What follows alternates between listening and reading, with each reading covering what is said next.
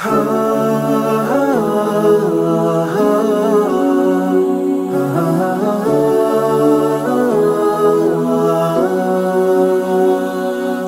alaikum och hjärtligt välkommen till Koranpodden. Jag heter Sally och detta är Koranpodden. Podcasten som hjälper dig förstå Allahs ord och där vi träffar spännande personer och samtalar med dem om hur Koranens budskap påverkar deras liv. Du lyssnar på poddavsnitt 161 och idag ska du få lyssna på mitt samtal med Ibrahim Bliksjö från Uppsala som tidigare har gästat Koranpodden. Samtalet inleds med att jag frågar Ibrahim Bliksjö vad Ramadan betyder för honom. Varför fastar vi? Vad gör vi om vi inte kan fasta på grund av sjukdom? Ibrahim berättar bland annat om första gången han fastade under Ramadan och vilka lärdomar och erfarenheter som han fick. Vi pratar också om risken att konvertiter, det vill säga nya muslimer, bryter fastan alldeles ensamma utan familjer och hur viktigt det är att muslimska familjer bjuder in dessa nya muslimer till sina hem för att bryta fastan tillsammans. I slutet på samtalet pratar vi också om hur pandemin och restriktionerna påverkar Ramadan. Vilka nya utmaningar ställs vi inför? Eller är det till och med så att pandemin möjliggör nya erfarenheter och nya kunskaper? Detta är ett öppet och ärligt samtal om Ramadan som kommer väcka nya tankar och insikter hos dig som lyssnar. Okej, nog med försnack. Här är mitt samtal med Ibrahim Blicksjö från Uppsala om att fasta under Ramadan mitt under en pandemi och alla restriktioner.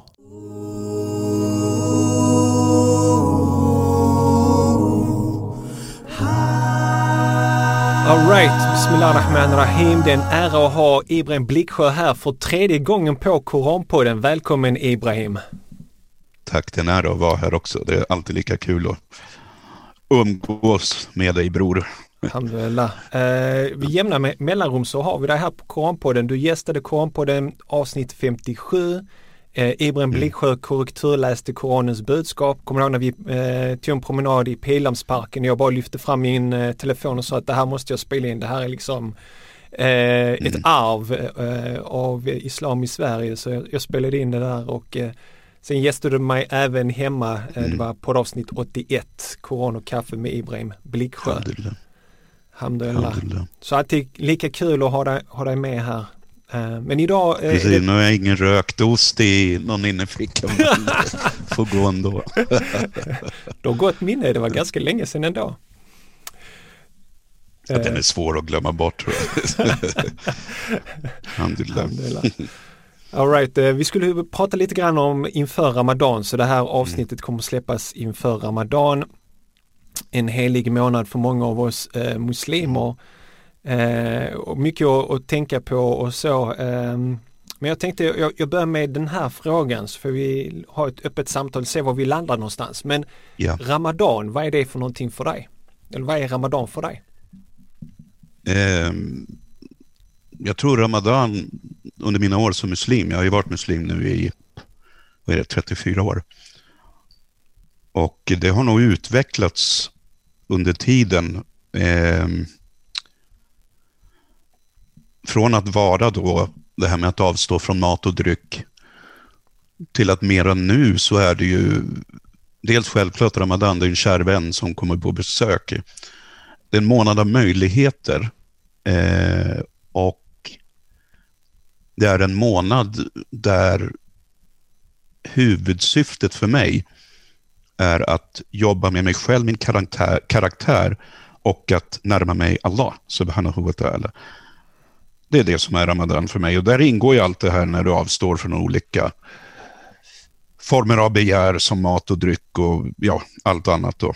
Mm. Så det är, det är Ramadan för mig. En månad där jag har möjligheten att utveckla mig själv kanske jag ska säga. Mm. Och närma mig alla.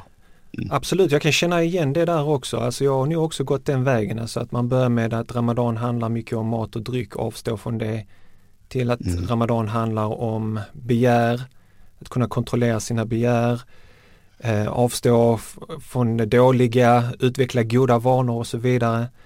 Mm. Jag, jag, har som en vana, jag vet inte om du har sett det Ibrahim, att på Facebook brukar jag skriva några dagar innan Ramadan kommer. Jag, jag, jag skriver något i stil med att uh, jag har en vän, eller nej just det, min, min, min, uh, min imam kommer på besök.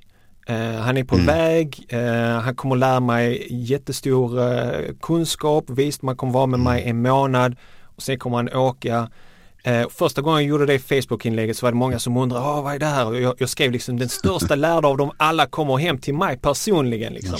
Eh, och det var många som reagerade på det. Sen skrev jag, hans namn är Ramadan, han kommer gärna och besöker dig också. Eh, just att det, det är som en, en gammal vän som återkommer en mm. gång om året eh, och där man får möjlighet att stanna, mm. stanna upp och liksom att inte låta ens tillvaro vara liksom eh, mat och dryck mm. och så ska man ha sitt kaffe och så ska man ha de här, utan rutiner, man får så mycket tid över till, mm. till självrannsakan. Sen är det ju så här att det gäller ju också att det som har hänt tror jag genom åren är väl att man, jag i varje fall har lärt mig förstå varför eh, vi har fastan. Att Självklart nummer ett är ju, varför fastar vi? Jo, för att Allah har sagt att vi ska göra det. Precis som han har sagt. Alltså läser man den här koranversen att fastan har föreskrivits er på samma sätt som den har för, föreskrivit de som var innan er. Mm. För att ni ska, jag vet inte, gudsfruktan, gudsmedvetenhet, man ska lära sig det här. Eller man ska få det och man, man ska öka det. Då är det ju så här, för, nummer ett är ju att vi fastar för att Allah subhanahu wa ta'ala i i sin barmhärtighet faktiskt har beordrat oss det, att mm. vi ska göra det. Och sen har vi ju då nummer två. Vad, vad är syftet? Jo, att närma oss Allah. Mm. Och då blir ju också Ramadan en rahma, för det blir ju att, jag menar, Allah behöver ju inte att vi fastar, utan det är vi som behöver fasta för att just närma oss Allah. Mm. Det är det här vi behöver för att under året, eller hur? Du vet själv hur det är det här ekorrhjulet med alla måsten och det är jobb och det är aktiviteter och jag vet inte allt. Sen har du den här månaden där det bara liksom bromsas upp. Och du får tid till eftertanke och kontemplation och sådana här saker som också hör ihop med, med Ramadan. För att det är ju så också att om man tittar i islam och vad de lärda säger, så det, alltså mat och dryck är ju egentligen, eller hur, det är egentligen det minsta under Ramadan. Precis. Det minsta delen, utan det är ju det här närmandet till Allah. Det är koranläsning, det är dicker, gör så mycket goda gärningar du kan. Avstå från onda handlingar, speciellt under den här månaden. Liksom. Mm. Mm. I samband med detta så kanske jag kan eh, ta den här frågan som kommit via Facebook. Jag skrev att vi skulle ha ett samtal om Ramadan och då är det Miriam som skriver Eh, tips och tankar. Hon undrar om tips och tankar på vad man kan göra när man inte får fasta på grund av medicinska skäl.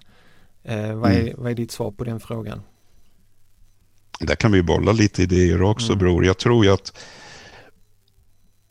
eh, hur säger man, gå in, börja med att gå in i den här månaden med känslan ändå att det verkligen är Ramadan. För att så mycket annat man kan göra. Eh, för det första kanske vi, jag vet inte om vi måste klargöra hur, hur det är skillnaden mellan om man är kroniskt sjuk eller om det är så att man är liksom, vad säger man, bara tillfälligt sjuk om man säger, där finns det en skillnad. Mm. Också, så att är det så att man är kroniskt sjuk och man kan inte fasta någon gång, men då finns det ju, eller hur, olika saker man ska göra. Precis. Som man måste göra.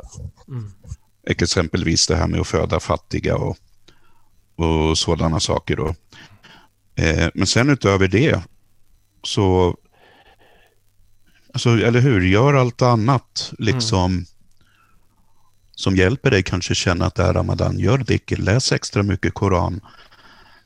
Eh, nu tänkte jag säga Tarawih, men det är lite svårt under covid. Men mm. eh, just sådana här saker, eh, har man muslimsk familj, se till att göra saker tillsammans. Jag tänker, jag tänker på att, jag, jag, tänker på att samma, sam, på samma sätt som vi har liksom magens fasta så har vi ögonens fasta, vi har öronens mm. fasta, vi har benens fasta, vi har händernas mm. fasta. Liksom så gå igenom liksom kontemplera och titta på, på, på ens egna handlingar. Okej, vad är det för någonting som jag använder mina ögon för som jag egentligen inte borde göra? Vad är det för någonting jag använder mm. mina öron som jag kan fasta ifrån? Mm. Så, så försöka hitta de bitarna tänker jag under mm. Ramadan och försöka göra så mycket gott som möjligt. Och mm. Ramadan är ju Koranens månad också så att liksom mm. fokusera och studera Koranen ännu mer än vad man har gjort tidigare. Mm. För det är också, och, och sen kanske då att visst, vi säger att man, man kanske inte kan fasta då av medicinska skäl och så vidare. Mm. Man kanske måste ha fasta måltider och så vidare. Men om det går, i så fall, kanske dra ner på, mm. på det, eller hur? Ät i så fall kanske bara det absoluta minimum under den här månaden. För att det är så här också, vad jag har märkt. Eh, alltså en, en, en sak som, den är lite känslig, men ändå är det så här att under Ramadan, Ramadan för mig ska det egentligen vara årets billigaste månad. Eh, att visst, du äter innan fastan börjar då och sen, sedan bryter du fastan. Men det som har hänt of, eh, hos en del, det är just att det blir som ett frosseri. Mm. Det, det, det som jag brukar säga, att när, när man har stått och gjort tarawih, när du gör roku, då får du nästan ha folk som håller i liksom kragen så man inte tippar fram länges för man blivit så framtung när man äter. Liksom. Men eller hur, visst är det så här bror också att för mig är det så här i varje fall att om jag till exempel gör salat, bön, när jag är proppmätt eller sitter och läser Koran när jag är proppmätt. Jag har inte samma koncentration. Jag har inte Nej. samma, det här som kallas för khushu. Mm. När du är för mätt så har du inte samma Eh, för mig är det så, koncentrationsförmåga och inte samma känsla heller. Men det är därför det finns inom olika religioner det här med fasta. Det finns inom kristendom, judendom, buddhism, hinduism och så att avstå från mat och dryck för att du öppnar upp liksom mm. andra sinnen och man kan liksom kontemplera. Men när du är proppmätt och jättemätt och sådär, då, då, då, är det inte mycket andligt som kommer ur en. Alltså, svårt att kunna fokusera på det andliga när man är proppmätt. Vad är det man säger, den gamla kända paltkoman som man brukar kalla den för. Nej men det är så. Det, mm. det är liksom så. Så jag tror ju sådana saker och sen, kanske, sen finns det väl kanske också då man kan göra då om som du sa också, man kontemplerar, man rannsakar sig själv det här att okej, okay, finns det något som jag kanske kan bli bättre på? Vi säger till exempel att man har ja, problem med temperamentet exempelvis, det är ett mm. exempel. Och man blir lätt arg exempelvis.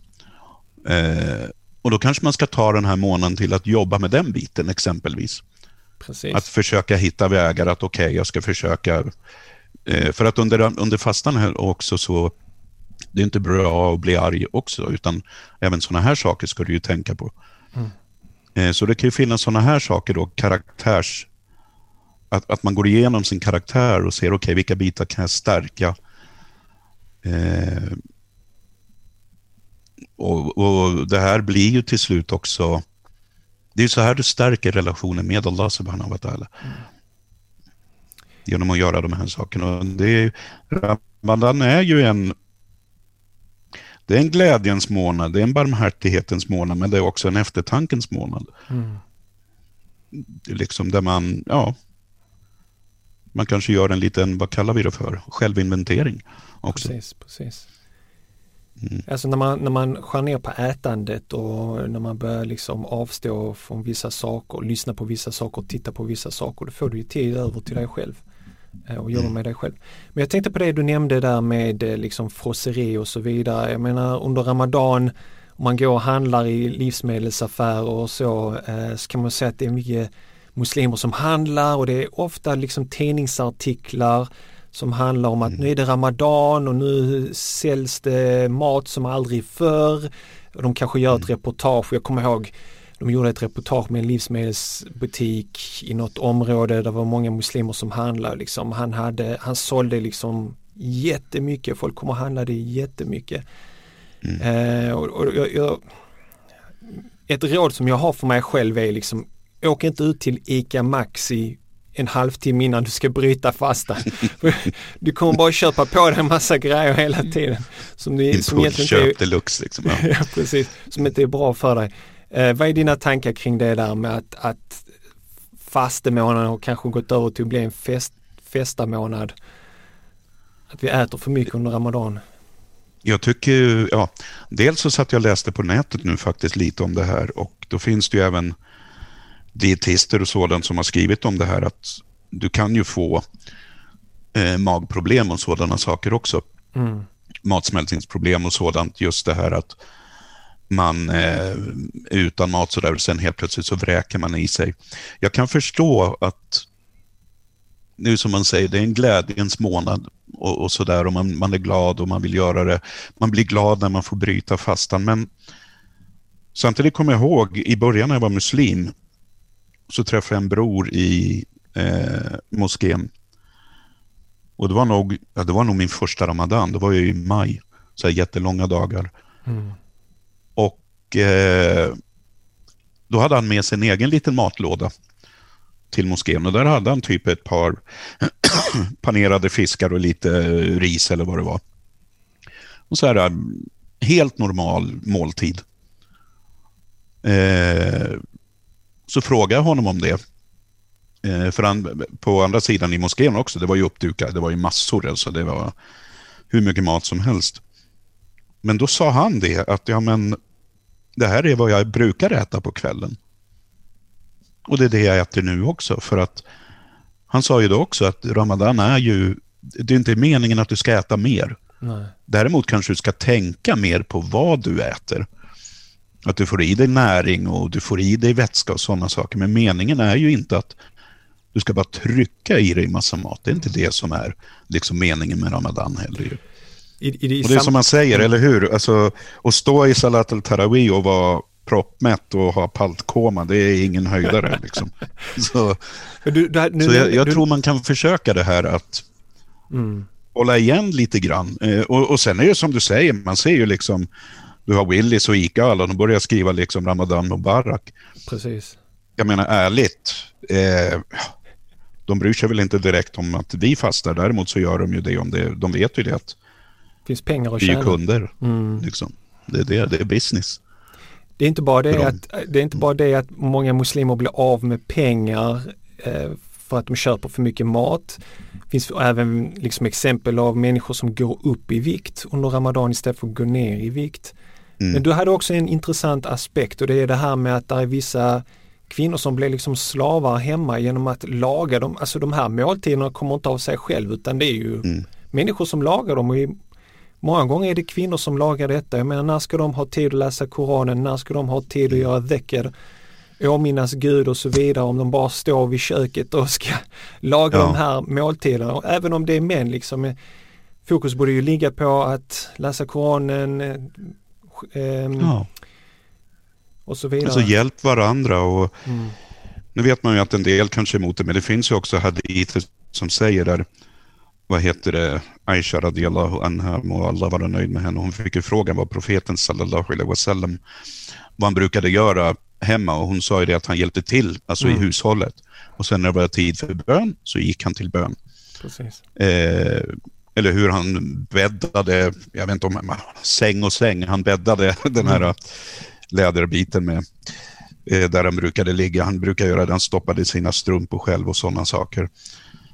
Eh, och det är ju det här, det, eller hur, det man ska tänka i islam också när det gäller dyrkan. Och det, det, är ju bland många lärda också, det är det här med belöning. Och hur mycket belöning förlorar du om du inte gör de här sakerna? Mm. Exempelvis läsa Koran till exempel. Att man har, nog, man har ju mer att tjäna tror jag i Allahs ögon och om vi nu kallar det då belöningsmässigt om man hjälper varandra eh, och sen ät som vanligt. Mm. Och Det är väl inget fel i så fall att hjälpa till och inte bara förvänta sig då kanske att kvinnan då, ska, som du säger, då ska stå i köket. Mm. Eh, ja, det är ju massor med timmar och sen är hon ju helt slut. Mm. Utan speciellt nu då under eh, de här tiderna som vi har med covid och det, det, kommer ju inte bli, alla alam, men chansen är väldigt stor att det kanske inte kommer bli det här med gå till moskén och göra tarawih och sånt där. Nej, men se mm. till att knyta samman familjen. Eller hur? Gör mm. det här tillsammans. Mm. Sitt och läs Koranen tillsammans, gör nattbönen tillsammans. Eh, Sådana här saker, men hjälp till då att laga mat tillsammans också, för det här är också en del av eh, eh, det muslimska familjelivet. För man kan inte säga det här är inte för en man, nej men profeten Muhammed, frid och honom, mm. hjälpte ju till. Mm, precis. Det, det, är det här, jag, jag såg, du la ut ett klipp där också på eh, Sheikh eh, Mufti Meng när han satt och stickade. Ja, precis. Där var det ju också lite så här, det är inte manligt och så vidare och så vidare. Nej men profeten Muhammed, frid över honom, lagade sina strumpor exempelvis. Mm. Jag minns också, mm. vet, under profeten Muhammeds tid, över honom var Guds frid, bland, arab, bland vissa araber så var det inte manligt att pussa sina barn. Känner mm. du till den hadithen när han eh.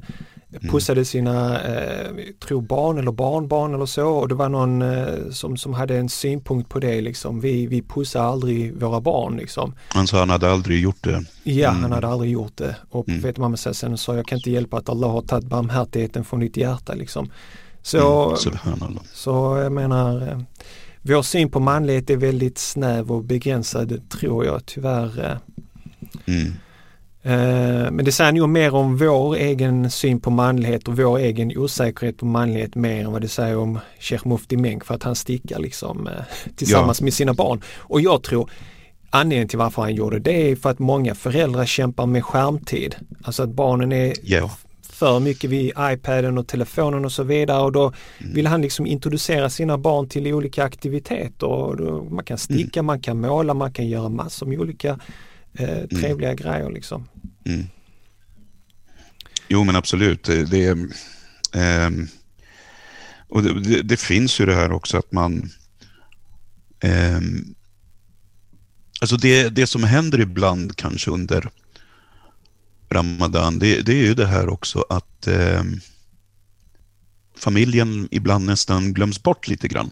Mm. Att allting sker i moskén på, på något sätt. Mm. Och jag tror, vad heter det, Martin Ibrahim, eh, jag säger inte efternamnet för då uttalar jag det fel. Underbara broder. Yes. Eh, han skrev någonting om, eh, vad kallas det för, själva? själva. Ja, själva. Mm. Det här att du, vad ska man säga, man drar sig undan. Avskildhet, drar sig tillbaka lite mm. grann. Och mm. Där anser jag att gör det, med, för de som kan i varje fall, gör det med familjen. Mm. Att det, för Ramadan är väl en helt fantastisk månad just att stärka familjebanden också. Precis. Och du kom in på ett naturligt sätt in på det här med covid-19 för som det ser ut nu så lär det bli så att den här, ja, även, den här mm. även den här Ramadan kommer vara speciell som eh, aldrig tidigare förr, eller ja, förra Ramadan var ju också så. Det var ganska ja. kämpigt för många saknade, man hade ju liksom den här, man träffas i moskén, man ber bönen och så mm. vidare, man träffar, man bryter fasta med massa människor i moskén mm. och så vidare. Och det här kommer vi nog inte se detta året i heller. Mm. Men som du säger, du har redan kommit in där på goda eh, råd och tips. Det är liksom stark familjen istället för som vi gjorde mm. tidigare att spendera tiden i moskén med andra. Mm. Att använda tiden för att stärka familjen och be bönen där hemma istället. Mm. Det går minst lika bra att göra det, tänker jag.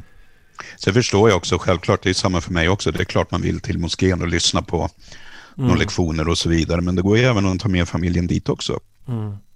Liksom, det kanske är svårt när det är tarawih, liksom, jätte, jättesent och så vidare, men att eh, de flesta större moskéer de har ju avdelningar både för systrar och bröder. Och liksom, så att det kan man ju också göra, att göra det till en familje utflykt eller vad man ska kalla det för. Men att, som du säger, och det är bra att du tar upp det här också nu, att i år lär det väl kanske bli lite annorlunda igen. Och mm det är inte bara under Ramadan, utan man har ju känt det själv, eller hur? Det här att det börjar bli lite lång tid nu med den här, vad säger man, avskildheten liksom. Mm. Och hur, hur kan vi liksom se till att vår tro inte påverkas? Det var ju också från Martin Ibrahim det här att Eh, vi har ju dagens teknik, så som vi sitter och pratar nu. Yeah. Kan man göra något sådant under Ramadan, kanske med kvällsföreläsningar och så vidare? Jag förstår att man kan mm. göra, få göra någon... För, för det finns ju de också som, som jag kan gå till mig själv. Att eh, det är många Ramadan liksom när det har varit eh, dags för fastebrytning och vi, vi, kan även gå till Eid och så vidare då. Om man inte har haft någon direkt eh, muslimsk familj då, som var i början när jag var muslim. Och då går du på idbönen och sen ser du hur alla andra går iväg och fortsätter fira och själv går du hem och sitter ensam. Det är bra att du lyfter det för att det var en av de här punkterna jag också mm. ville lyfta det här med konvertiter som firar Ramadan mm. ensamma och även då Eid, slutgiltiga festen där. Mm. Vad, vad, vad, eftersom mm. du själv har upplevt det som konvertit, vad, vilket budskap vill du skicka till dem som är födda som muslimer, som har familjer som muslimer, som inte ser det? Eh, ja, en del har väl kanske upplevt det nu under covid också, men att det är ju det är klart det blir en känsla av eh, ensamhet. Mm. Det, så är det ju. Liksom man, man, eh, för man vet ju att de andra går och går iväg och mm. egentligen är det väl så här att det här med ensamheten då som är under Ramadan, att när det finns möjlighet att man kanske ska om, om vi säger så här, om jag, om jag går till mig själv då, så var det ju så här att, eller hur, om du är ensam exempelvis då under, om vi tar Ramadan exempelvis. Eh, du kontakt, alltså man, jag gjorde inte det i varje fall. Det var inte så att jag sökte kontakt själv. Mm. med andra. Liksom, att, ja, men, och, du vet det här, jag vet inte om det är typiskt svenskt det här, man ska inte tränga sig på och så vidare. Men att kanske då att man gör att man kanske tänker på det själv då kanske. Först och främst om man inte är ensam, att man frågar om det nu broder eller syster också för den delen. Mm. Så man vet ensam, att man kanske bjuder med dem. Eh, och eh, sen i dagens läge, eller hur, med, med internet och allting så kan man ju faktiskt starta någon form av eh, jag vet inte vad man ska kalla det för, kontaktkedja eller något sånt där. Mm. Där man har kontakt med varandra och man liksom kan kolla. Det är inte bara under Ramadan utan det är ju liksom kolla överlag hur det är med personerna, speciellt om det är nya konvertiter eller revertiter och så här, för att de behöver mycket stöd i början och så. Precis. Jag, jag, jag tror det är viktigt eh, för människor som är födda som muslimer som har familj och släktingar och så vidare där det sker stora träffar och så att man tänker på konvertiterna och andra som kanske är ensamma och bjuder in dem till mm. sina träffar. Och så som läget ser ut nu med covid-19, de restriktioner vi har, det kan ju förändras längre fram men ingenting förhindrar att man kan träffas i mindre grupper, alltså att man bjuder in en eller två personer eller så. Eh, Nej, alltså om du tänker efter så, och det här var ju faktiskt, eh, för jag pratade om det här med Sheikh Salahuddin Barakat, mm tog upp det här med frånvaron av jama, eller den här gemenskapen och stora träffar och sådär. Och då sa han att egentligen om man tänker efter i början av islam, innan man gick ut så att säga offentligt då, eh, med, så var det ju så, eller hur? Man träffades ju, det var ju små grupper, så träffades man ju hos varann i, i husen. Precis. Då var det i och för sig det var tvunget att vara hemligt och så vidare, men att mm man träffades ju då i små grupper, mm. väldigt små grupper och läste Koran tillsammans, bad tillsammans och sådana saker. Eh, och det är väl lite så kanske vi får göra nu också, att träffas kan vi ju göra, men precis under kontrollerade och covid-säkra former. För att det är också så här om vi tittar när det gäller pandemi, så alhamdulillah, eller hur, om vi ser vad islam säger, om det här med pandemi, så du har ju hadither. Va? Du, mm. Det finns ju en hadith som jag tänkte börja med som är du kan den bättre än mig. Jag kan den inte ordagrant, så jag säger bara tolkningsmässigt på svenska, sammanfattning. Det är om den här mannen som frågar det här om ska sätta sin på Allah, till Allah mm. och binda sin kamel mm. eller låta den gå fritt. Mm. Och då svarar ju profeten Muhammed sallallahu alaihi wasallam tolkningsmässigt i varje fall att det man kan förstå av hadithen är att du ska sätta din tillit till Allah, men du ska också binda din kamel. Mm. Och vad kan man förstå av den här? Jo, den här kan man förstå att även om du är troende på Allah, du sätter all din tillit till Allah subhanahu wa ta'ala, så ska du ändå vidta försiktighetsåtgärder. Du ska försöka undvika, eh, eller hur, att saker kan gå fel om man säger så. Mm, mm. Och sen har du då nästa när det gäller pandemi så har du ju, det finns ju hadither om det här med pandemi, pest och så vidare. Och när det gäller det så har du ju till exempel, när det gäller pest så finns ju hadith som säger att de som är i staden till exempel som har drabbats av det här, mm. de ska inte lämna staden. Och de som är utanför staden ska inte heller gå in i staden. Precis. Eller resa till staden, kan man säga då. Och sen har du också ytterligare en försiktighetsåtgärd där du har att mellan, mellan er, alltså dig och kanske den smittade, eller så ska det vara en spjutlängds avstånd. Och det här finns också i, i uh, hadith. Så det finns alla de här försiktighetsåtgärderna. Eh, och därför ska man ju tänka på det också nu även under Ramadan eller när man träffas också. att När vi har de här restriktionerna, jag, jag vet inte om det är åtta personer eller vad det är, mm. eh, så ska vi följa det här. För att det är, eh, om man tittar i vår sunna, det, det är det här att, att sätta sin tillit till Allah, det innebär inte att man blir oförsiktig och liksom, ja men eh, corona kan inte drabba mig och så vidare. Så yeah. jag hade corona. det, yeah, var liksom, det var ingen lek. Nej, nej. Utan det handlar om att följa det här liksom. Alltså profeten Muhammed, frida var honom, subhanallah, eller hur? Han var ju så försiktig mm. och aktsam Eh, eller hur, med sina följeslagare, familj alla mm. varelser, skapelser och allting. Han var otroligt eh, aktsam. Liksom. Han, han, han lekte ju inte med någons liv om man säger så. Precis. Liksom, mm. Jag tänker också på det här med att under coronatider att man inte kan umgås som tidigare. Man saknar moskén, mm. man saknar gemenskapen och alla de här bitarna. Mm. Samtidigt så ser jag det lite grann som ett test för mig själv. Den här mm. vägen som jag har valt att vandra på, den här att närma mig Gud. Eh, mm. Är det verkligen Gud jag söker eller är det människorna jag söker? Eh, mm. Så det är ett litet, litet test för mig att under denna tiden när jag inte kan träffa bröder som jag träffade tidigare och så vidare är min tro lika glödande och het som tidigare? För att mm. om, om huvudsyftet med min tro är att jag vill komma nära Gud, då är Jamaat inte så viktig. Hänger du med vad jag försöker komma någonstans? Mm. Mm. Uh, så för mig personligen så är det lite av ett test. Uh, och inshallah, det här kommer gå över. Det är en tidsfråga innan det går över och uh, vi återigen kan träffas och umgås. Men människan är liksom en social varelse, det är otroligt mm. viktigt. Mm. Vi saknar alla de olika formerna av gemenskap som man inte kan Ja, man är ju svagare när man är själv. Alltså mm. våran Jama är ju viktig. Det är ju därför också som böner och sådant är så mycket mer belönat i Jama.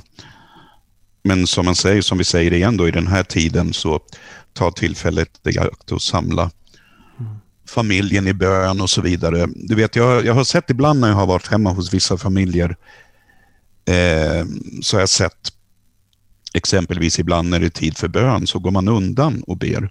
Mm. Man kanske går till ett annat rum eller något sånt här. Men var, varför egentligen? Det, det, är inte du som ber som ska behöva gå undan egentligen. Mm. Ja, men de andra sitter och tittar på tv. Ja, men då har det blivit helt knas. Egentligen liksom. Utan ja. dra med familjen. Sen förstår jag det här, absolut. Jag saknar också den här gemenskapen och jama och träffa bröder och så vidare. Men samtidigt så har jag också sett det här lite som en ett uppvaknande också för att det som har hänt nu under corona, för nu har det ju varit i varje fall över ett år, det här med corona och mm med restriktioner och så vidare, det är ju det här också att man har ju fått mer tid att, eh, vad säger man, sitta ner och just, ja, ha en annan kontakt med Gud. Mm. Mot vad man har haft förut. För förut har det varit så här full fart hela tiden. Det är jobb och det är så, det är träffa bröder och det är moskén och det är liksom, det är så fullt, det är så fullt.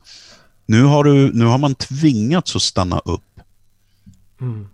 Liksom, och för mig i varje fall så har det blivit just det här att man, man tänker ju mycket.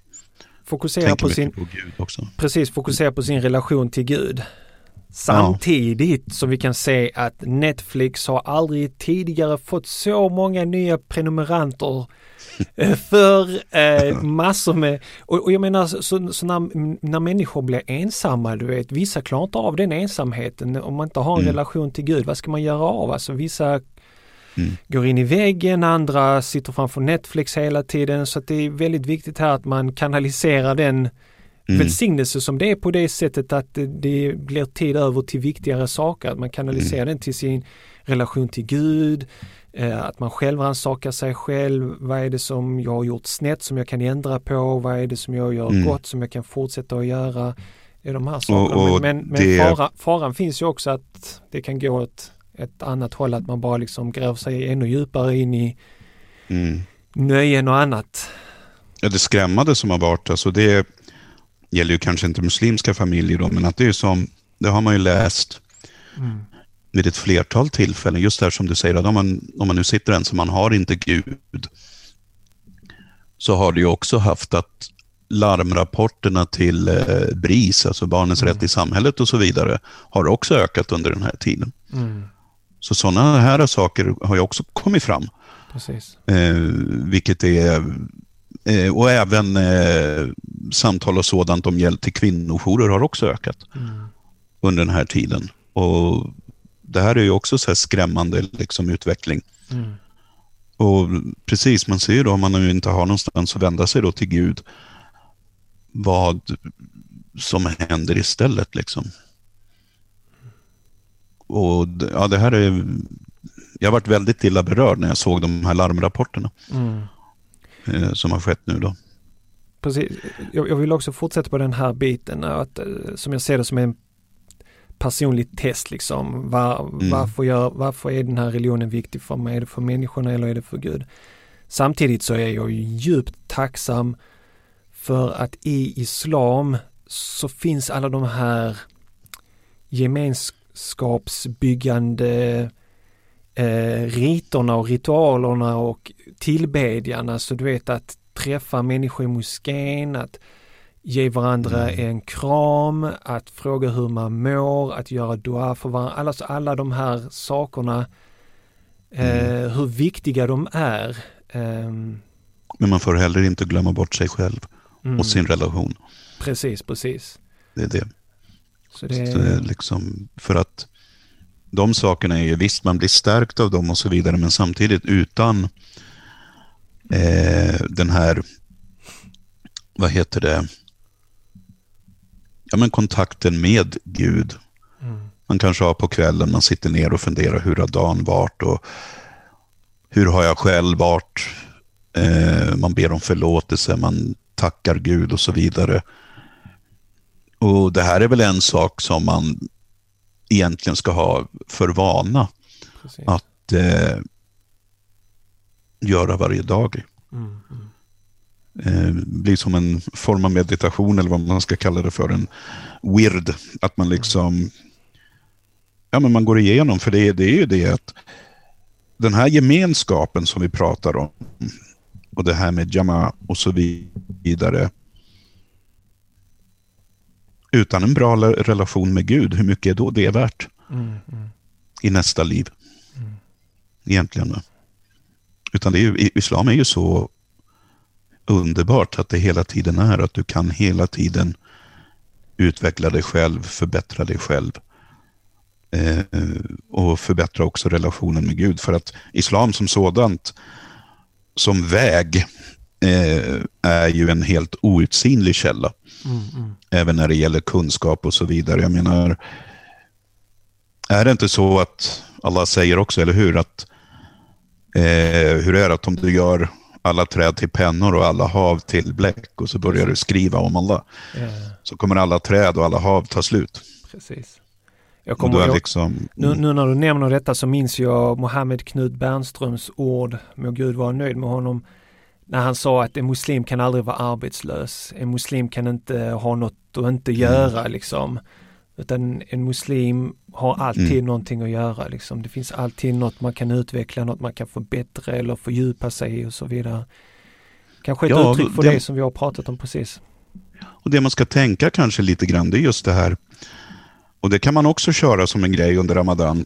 Och det är ju också så här oavsett om man nu kan fasta eller inte fasta av medicinska skäl och så vidare. Det, det Ramadan, det är ju det här, min nästa handling som jag gör. Tänk om det blir den sista handlingen jag gör i det här livet. Mm. Eller min sista bön. Tänk om nästa bön är den sista jag gör i mitt liv. Mm. Eh, Påminner- mitt sista ord till någon. Påminner mig om Al-Hassan, han brukade ofta prata vid Ramadan att nu har vi möjlighet till en, till en ny Ramadan och det finns många som inte, som inte får den här möjligheten. Mm. Så det här kan vara sista Ramadan man har. Eh, man Ja. kan aldrig veta. Och hur vill jag att den ska vara? Precis. Så, och, Liksom det var hur- subhanallah perfekt att du ställde den frågan, hur vill jag att den ska vara? För att jag tänker att Mm. vi ska avrunda så smått, men jag tänkte, hur tänker du spendera den här Ramadan? Vad tänker du rikta in dig på eller försöka? Eh, det kommer bli mycket dicker. Mm. Kommer det bli. Och Eh, vill, du, vill du förklara Vad, allt vad det, alltså ihågkomst av Gud. Mm. kommer bli mycket sådant. Eh, och eh, försöka kanske med ja, lite olika projekt på gång som rör islam också. Mm. Kanske dra igång det någonting under Ramadan. Eh, jobba lite för islam då. Sen är det ju så här i Sverige så har man ju sitt vanliga jobb också, men alhamdulillah. Mm. Ramadan är ju en månad också av lite extra kamp och lite mindre sömn och sådana saker, alhamdulillah. Så du fastar ju med det också. Men eh, just det här med dicker och det här för att kunna varva ner också. Det är Mm. den. Liksom, så alhamdulillah, så det, det är väl det är väl den planen. Att försöka nå ett inre lugn, Mm. skulle jag vilja säga. Med Allahs hjälp. Det, den. det ska bli min Ramadan, inshallah. Inshallah. Själv då? Eh, själv, eh, om jag ska försöka ta någonting mer lättsamt, eh, för jag, jag delar, delar ditt mål där absolut. Men jag Mm. försöker, mitt mål ska nog vara att försöka att eh, äta lika mycket eh, som jag gjorde tidigare under Ramadan. Mm. Försöka undvika sötsakerna, försöka undvika Mm. Att fylla på för mycket utan äta ungefär lika mycket som jag åt eh, tidigare. Det Ja, där har du en bra grej. Det tänker jag nog göra under Ramadan också. Försöka trycka in med mera grönsaker och sånt där. Ja, Faktiskt. Alltså just när det gäller äta nyttigare, absolut. försöka hoppa, hoppa över baklava och andra Ja, sötsaker men nog inte det bästa man ska fylla magen med. Nej, precis. Nej, men det är så, så blir det nog, ja.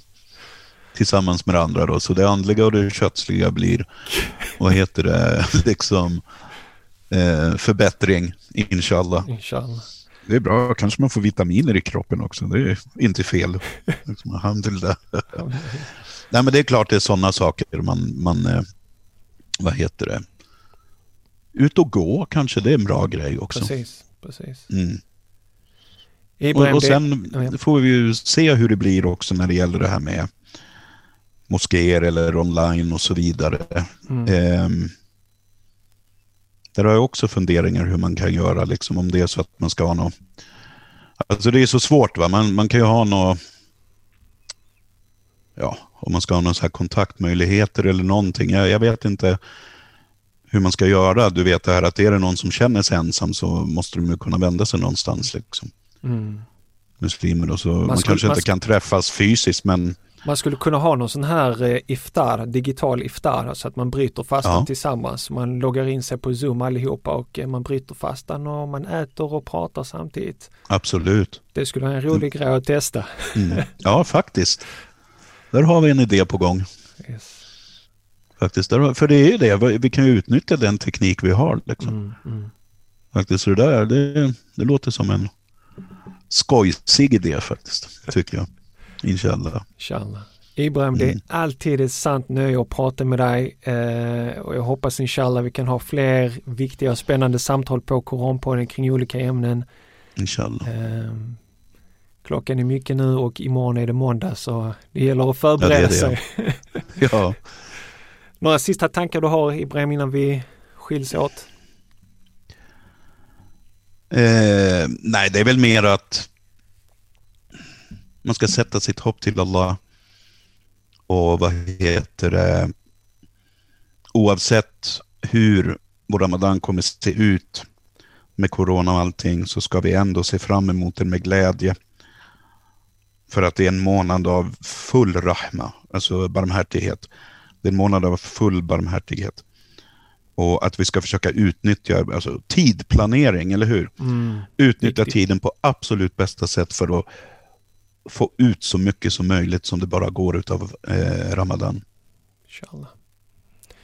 Tusen tack för de orden Ibrahim. Jag önskar dig en trevlig kväll. Salam alaikum wa rahmatullah.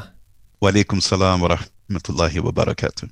Tack för att du lyssnade på mitt samtal med Ibrahim Blicksjö. Något som jag tar med mig från mitt samtal med Ibrahim är hans breda syn på Ramadan. Ramadan är inte bara en månad då man avstår från mat och dryck. Det är en månad som är så mycket mer än det. Ramadan handlar kanske minst om mat och dryck och mest om närhet till Gud och introspektion, att granska sig själv. Vart är jag på väg med mitt liv? Och en tid och en möjlighet att finna inre balans och harmoni. Om du fann samtalet lika inspirerande som jag gjorde skulle jag uppskatta om du delade den med någon som du känner skulle få stor nytta av att lyssna på det här samtalet. Kanske till en vän eller en arbetskollega som är nyfiken på Ramadan och varför just du fastar. Skicka ett mail eller ett sms med direktlänken till intervjun koranpodden.se 161.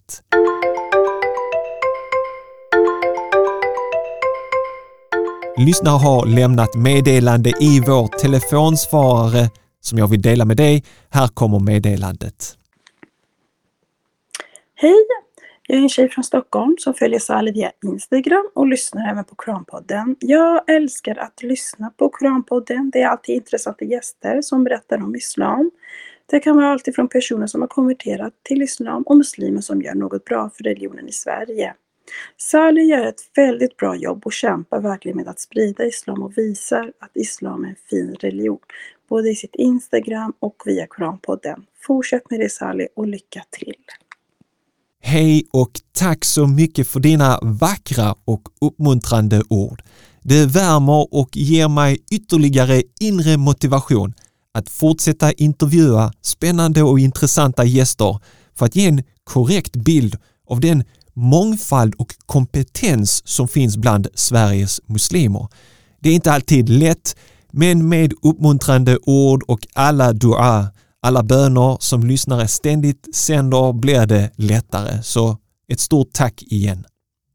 Om du inte redan följer oss på Instagram så gör gärna det. Sök Koranpodden på Instagram. Eh, på Instagram släpper vi bland annat tankeväckande korancitat varje vecka och nyheter om vad som händer bakom kulisserna. Du kan också lämna ett ljudmeddelande. Surfa till koranpodden.se telefonsvarare med din mobiltelefon och lämna ditt meddelande. Ramadan är Koranens månad, men det är också givmildhetens månad. Om du uppskattar Koranpodden och den positiva impact som den har på människors liv i vårt avlånga land, då kan du skänka en gåva under denna heliga månaden Ramadan. Gå in på vår hemsida koranpodden.se där du hittar både vårt Swish och bankgironummer. Så må Gud belöna dig mångfaldigt för att du skänker en gåva så att vi kan fortsätta släppa nya avsnitt varje vecka där vi lyfter fram eldsjälar och visar på Koranens goda och positiva budskap. Amin. Följ oss på Facebook och inte minst på Instagram om du inte redan gör det för inspirerande och upplyftande korancitat under hela veckan som jag nämnde lite tidigare innan. Vill du komma i kontakt med mig eller tipsa om någon som du vill att jag intervjuar så gör du det lättast genom att mejla mig på hej koranpodden.se. Då återstår det bara för mig att önska dig en härlig vecka. Tack för att just du lyssnar på Koranpodden. Vi hörs igen nästa vecka på måndag inshallah. Ta hand om dig tills dess. Salamu alaikum wa rahmatullahi wa barakatuh.